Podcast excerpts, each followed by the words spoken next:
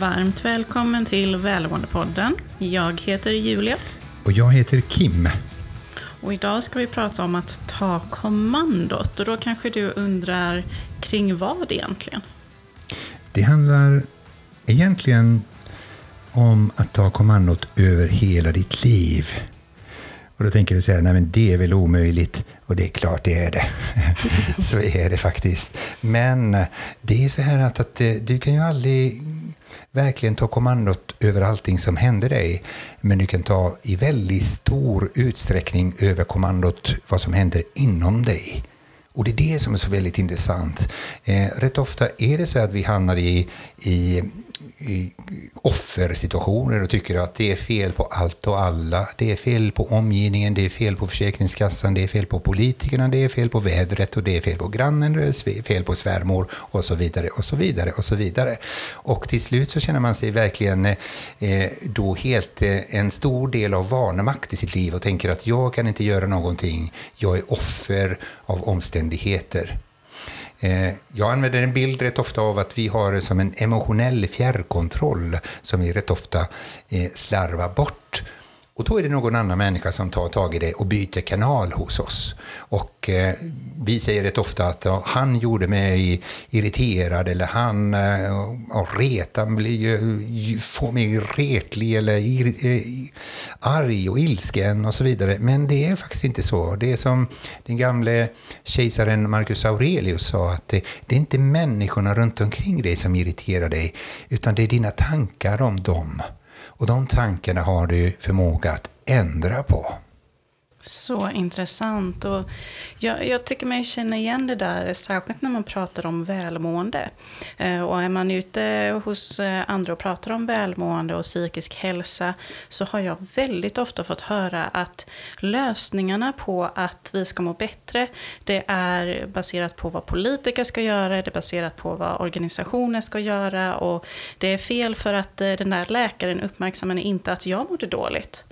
Men om du tänker på det, hur kan en annan människa veta vad du känner om inte du själv berättar det? Och jag, jag, tycker mig att det fattas i samhället idag att det här samtalet kring, ja absolut ska vi kunna bygga ett samhälle som möjliggör välmående. Men allt hänger inte bara på alla andra och organisationer och eh, saker runt omkring oss, utan vart är det inom dig som du kan börja fokusera på. Vad är det du kan ta ansvar över kopplat till ditt eget välmående? Och vad kan du göra för att människor i din omgivning kan må bättre? Utan att hela tiden lägga på att alla andra ska göra saker för dig. Ja, jag har ju rest en hel del i världen och varit i väldigt många länder. och eh, eh rätt ofta har jag mött de godaste, gladaste skratten i u-länderna, det som vi eh, eh, kallar för u-länder då liksom, som, eh, där eh, man kanske inte har den pressen på sig då att nu ska jag få så många likes som möjligt för att man äger ingen telefon. Utan eh, man får leva från dag till dag och stund för stund och, och vara tacksam över att man överlever en dag. Så vi kanske skulle behöva byta perspektiv rätt ofta. Det var inte så länge sedan jag ringde till en gammal vän till mig som jag inte hört av, av mig till på flera år faktiskt. Jag tänkte undra hur han mår och hur han har det. Och han berättade en Eh, sin, eh, sina tillkortakommanden han haft de senaste åren och det var ju verkligen tufft att höra.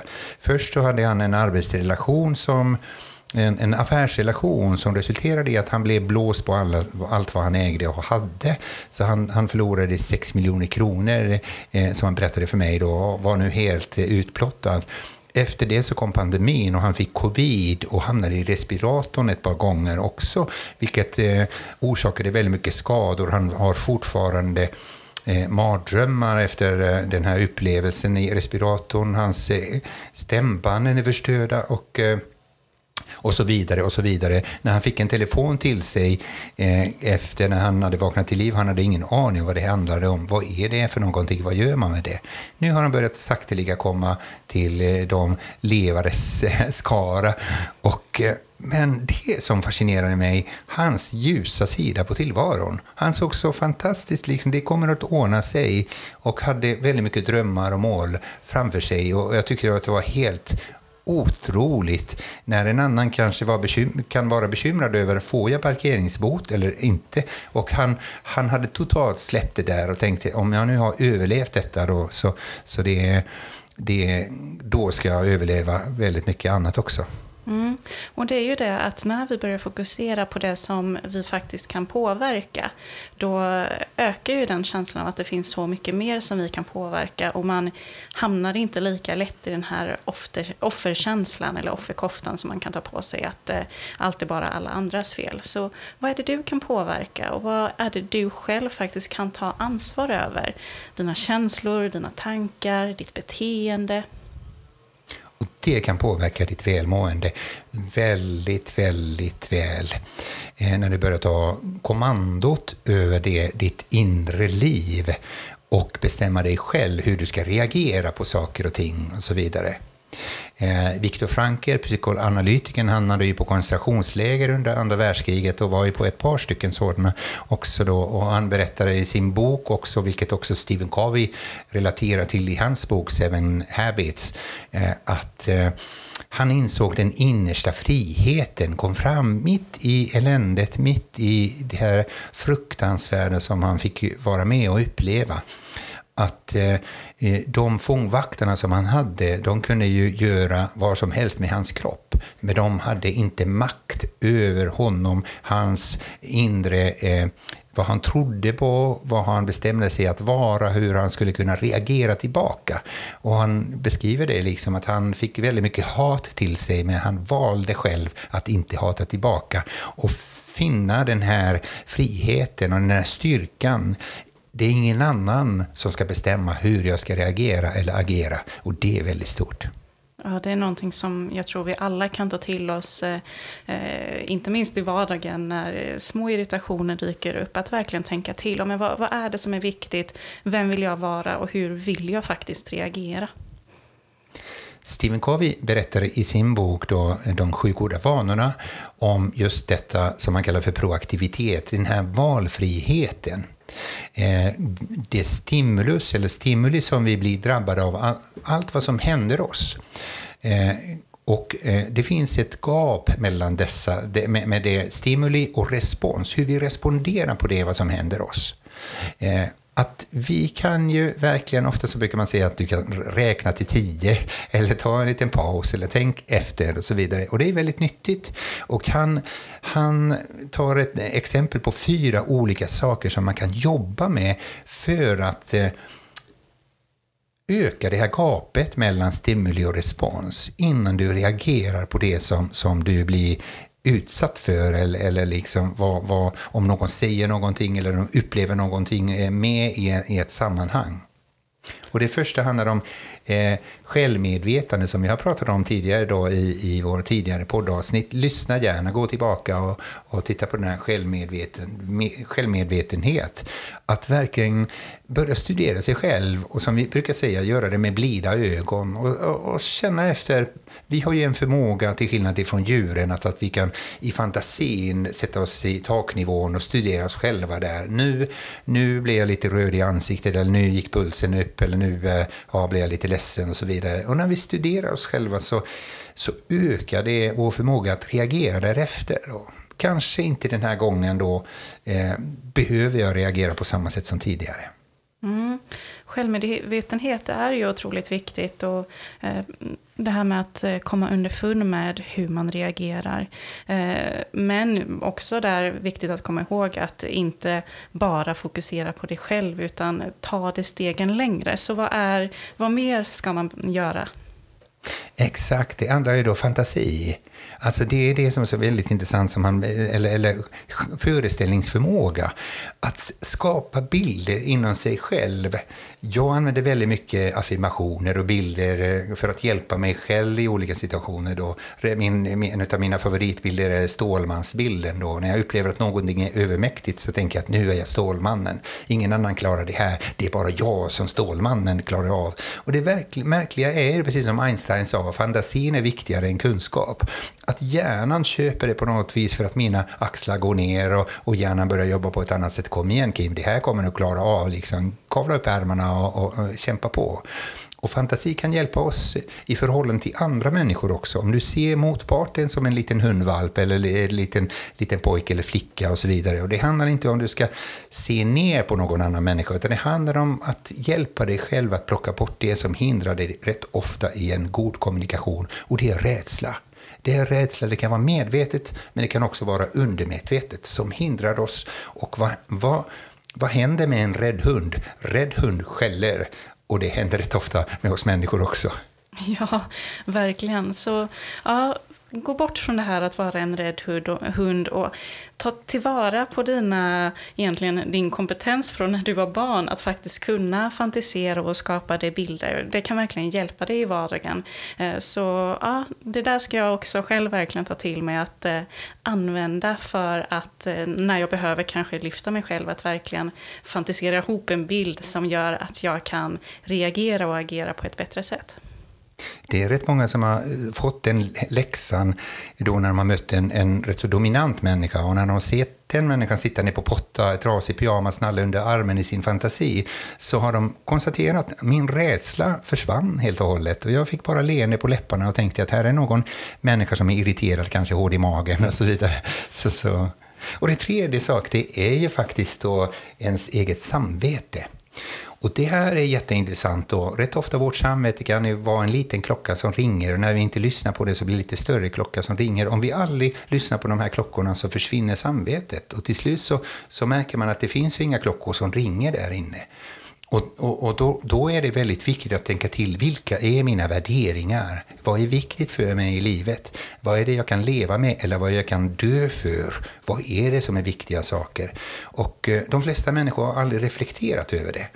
Om, om du frågar politiker då så kan du ju rapa upp några liksom, eh, ja, vårdskola och, liksom och så vidare. Och, eh, men, men egentligen när det gäller ens eget liv så är det otroligt viktigt att tänka då, liksom, vad, är, liksom, vad är det som eh, vad är viktigt för mig? Då behöver du mer sällan hamna i situationer där du efteråt tänker oj, jag skulle inte sagt det där, eller oj, det där var lite för fult utav mig.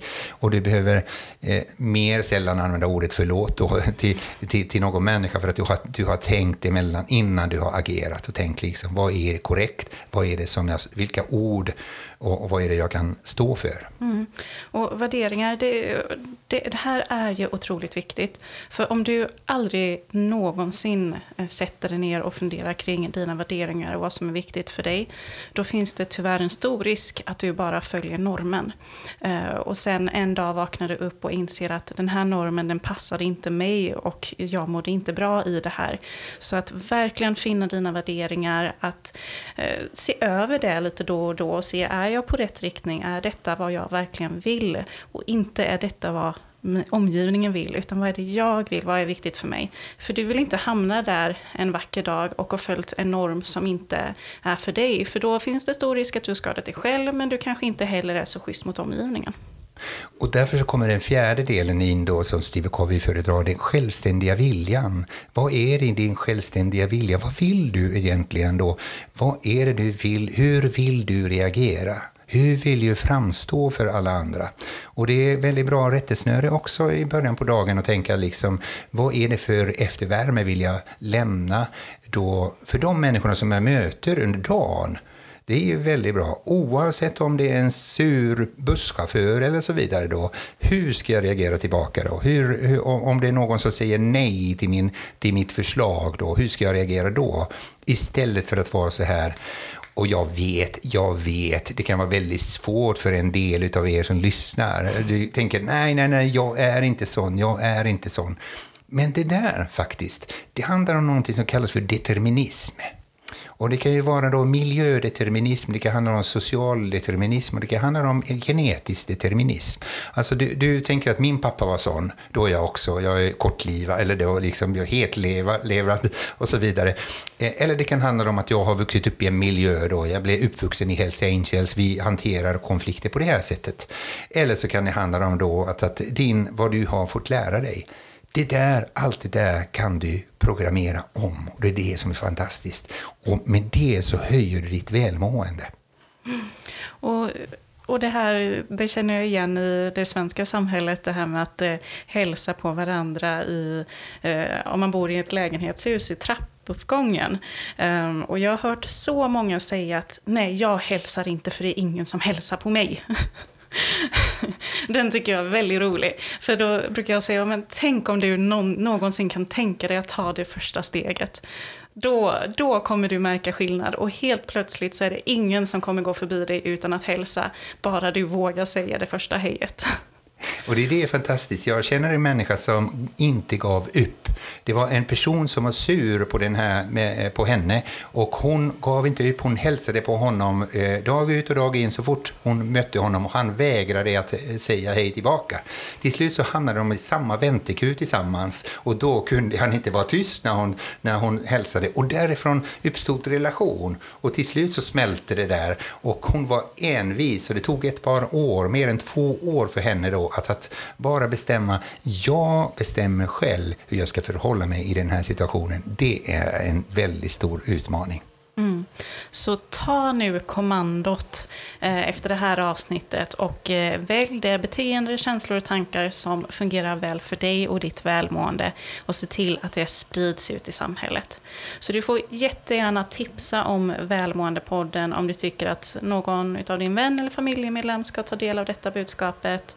Tack för att du har lyssnat. Och vi ska iväg till Västergötland och, och eh, också föreläsa nu alldeles i dagarna. Om du är intresserad av att vi ska komma och föreläsa i ditt företag och i ditt sammanhang så hör gärna av dig. Vi hörs igen.